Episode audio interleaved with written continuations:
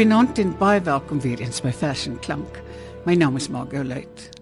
Vanaand gaan ons luister na hoe verskillende digters, in hierdie geval het ons nou 3 digters, die skepingsproses beskryf. En die tuin van Eden wat vir hulle ook baie belangrik is. Ek het vir Frida van den Heever gevra om vir ons die verse te kom lees en ons gaan luister na werk van Ina Rousseau, W.E.G. Lou en Lina Spies. Maar kom ons begin ons begin by Genesis. Dis 'n goeie plek om te begin. Ina Rousseau se Genesis.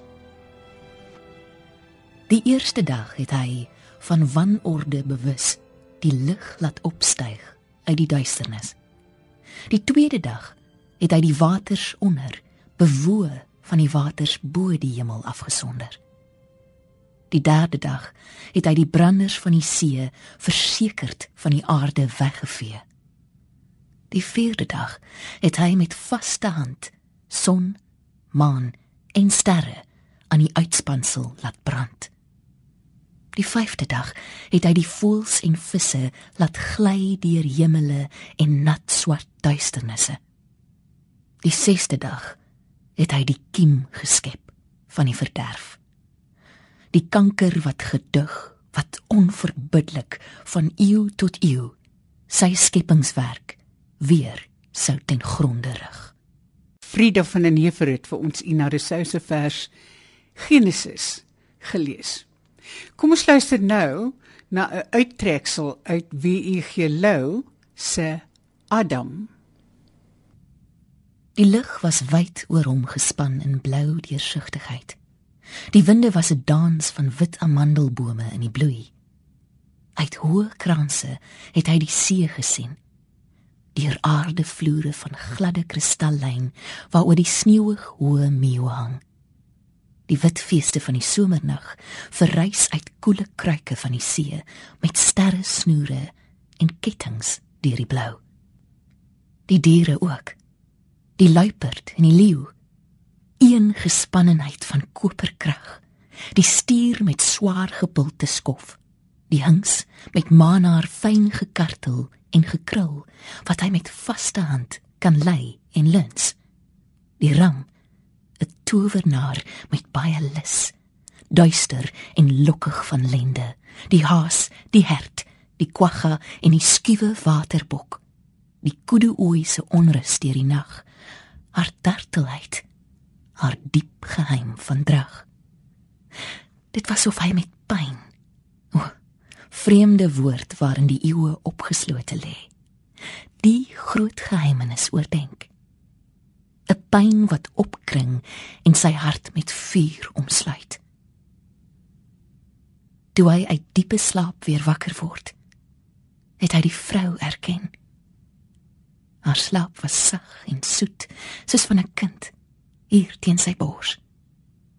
Sy het onwetend haar dieper aangevlei asof sy in sy arm skuilings vind en in haar slaap gepraat.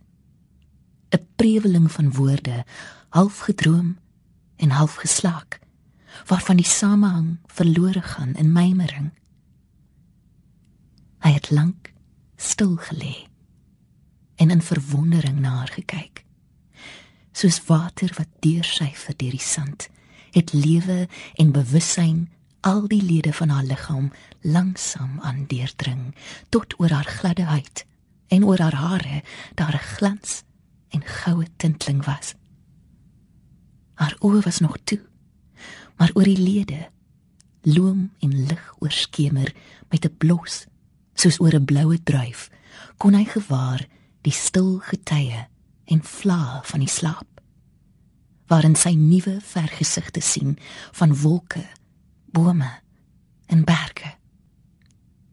En eindelik in vae oorgang het sy uit die dieptes weer na die hoë daglig opgeswem en slepend het haar oë oopgegaan. Hy sien sy eie beeld in haar en soen die welwing van haar slape en helder mond. Hy het vooruitgegaan en sy het gevolg met skugter voete oor die sand tot waar nou wyd en lokkend blou die water lê. Hy het haar aan die hand geneem en saam met hul die koelte ingegaan met sleep van kringe agteraan. Los uitgevloei, het oor haar rug haar hare saamgespoel met tra kabbeling. Soos keiserlik 'n goudvis in eie glans vergly en gaan. Eindelik het die aand met innigheid die tuin omsluit. In sagte samespraak waarin hul woorde en veel meer hul sweye nuwe weë tot mekaar kon vind. Het teen 'n helling in die warm gras Adam en die vrou hul neergelê. Hy dink weer aan die eerste dae hier en die vervoering van sy vroeë krag toe hy die heerskappy van hierdie hof van God ontvang het en die hoë drif waarmee hy uitgetrek het om te heers. Hy sou die hele aarde onderwerp en aan hom diensbaar maak. Die goue drag van koringare wat hul swaarte los en deur die wind gesaai word oor die veld, sou tot sy diens gedei en honderdvoud in gerf op gerf weer ingesamel word. Hy sou die gladde saad van boom en veldgewas veilig in vog en donkerte verberg totdat die aarde en son in juiste stand alweer tot lewe roep. Die stige krag van diere sou hy buig en onderskik dat hulle hom dien tot lof en eer van God. Dan die onrus en die diep besef dat hy op hierdie aarde eensaam is. Dat hy van alle diere onderskei in die besit van sy onsterflikheid. Geen deel aan daardie diepste vreugde het van hulle vrugbaarheid en sorg en groei. Het hy ooit God die heerskappy verwyd wat hom in enkelheid so afgesonder en so verheerlik het? Hy weet dit nie want hy die mens van God ook onderskei het byna onbewus met hom geleef en saam met hom gewandel deur die hof maar God wat hom gemaak het na sy beeld self ewig sonder steen in enkelheid en in homself volmaak het die verlange in sy hart gesien en dit genees die diepe rus van 'n volëindiging het in die slaap vir hulle saamgevind.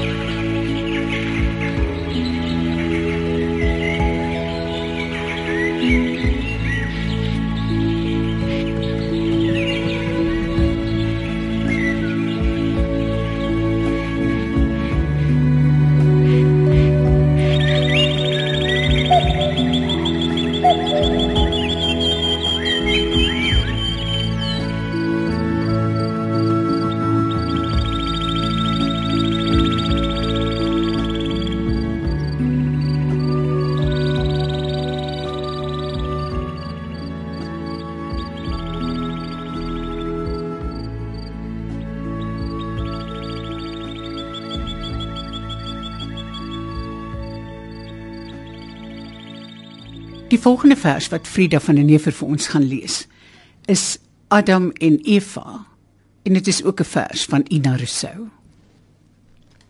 Volmaak en heerlik het hy ons gemaak op daardie laaste 6ste skepingsdag. Ons met sy hand tevrede aangeraak en na ons afgekyk en stil gelag. Maar toe ons weer hom begin verveel en hy hom vir 'n oomblik van ons wend, het ons half onbewus terwyl ons speel sy handewerk en hom vir goed geskenk. Nou dien ons neergebo en geskonde ons lewenslange vonnis uit in tug van dwangarbeid en dors en wonde en al wat die bestaan van vrees en sonde draaglik maak is die verbode vrug se heuningsoete nasmaak in ons monde. Dit was Ina Rousseau se vers Adam en Eva. Sy het ook 'n vers geskryf met die titel Die eerste mensepaar. Kom ons luister daarna. Net ons het die tuin geken. Net ons. En die tuin was goed. Singend was ons omring van sagte vagte en soet vrugte en onnoembare ander gifte. Te genietlik om te omskryf. Evenwel, na 'n ruk kon ons die verskriklike geluk maar net nie meer sluk nie. En toe, soos almal weet, het 'n skielike nik ons die tuin laat verongeluk. Ons wy nie uit oor die naderdraai nie. Net dit. Om die mag te gehad het o nageslag om 'n opus soos daardie situ situ om ver te kan ruk. Dit was nie te versmaai nie. Ina Rousseau het twee gedigte geskryf wat sy noem Eva, Eva 1 en Eva 2. Kom ons luister eers na Eva 1. As ek maar destyds wis die boord van bewegende blare waarin ek my tuis gemaak het, heet die paradys sou ek my hande weggehou het uit die takke van daardie boom in die magnetiese kil windstil middelpunt. En my tande uit sy vermale duide vrug se skil. En nou Eva 2. lippe proe die vrug van die boom van die kennis van goed en van kwaad. Ontneem maar die paradys. Ander lippe proe 'n ander verskrikliker vrug gee die paradys aan haar terug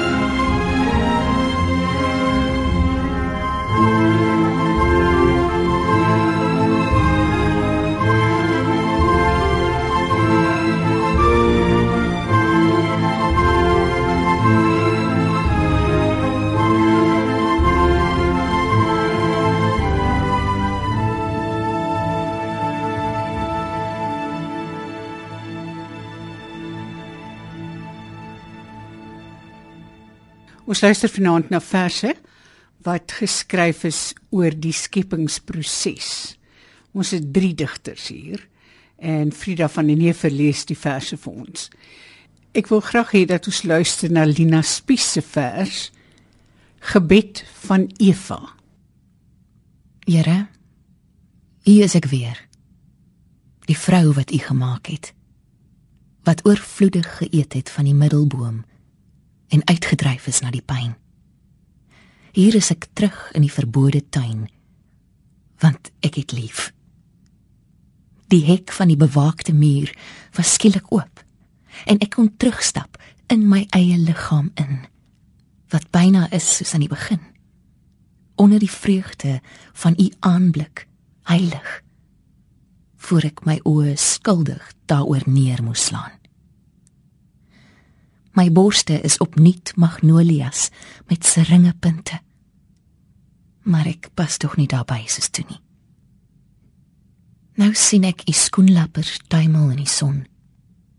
Die inseklyfie 'n vagina tussen die reënboogvlekkies. Sag oval en ek weet die lig wat op al u omwandelings saans en smorens in die poele straal rank blink in my skaamhaar as ek byna verskrik na my weerkaatsing staar nou as ek soos lank gelede wakker word laat u wêreld 'n gletser oor my stort die kleur en die geluid van ewige insomnia. Vir die eerste chirurgie het u die slymer van my weggehou. Nou wag ek dat u hand my ooglede aanraak. Kies wat u wil. Rip. Jep. Dai. Maar die keer, Here, moet u uit my sny, die man wat ek liefhet dat ek hom uit my gebeente onvervreembaar ken met pyn bloed trane u aanraking op elke ledemaat dit was Lina Spies se vers gebed van Eva. Ons gaan afsluit met nog 'n vers van Ina Rousseau. Hierdie vers noem sy net Eden. Luister mooi na die laaste strofe. Staan daar nog in Eden eers, verlate soos 'n stad in pyn, met poorte gruisam toegespyker deur eeue die mislukte tuin. Word daar nog die swoele dae deur swoele skemering en nag vervang, waar donkergeel en purper vrugte verrottend aan die takke hang.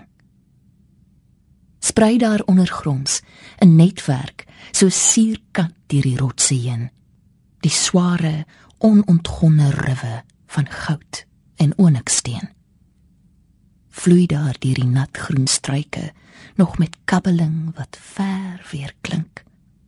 Die viertal glasblink waterstrome waarvan geen sterfling drink.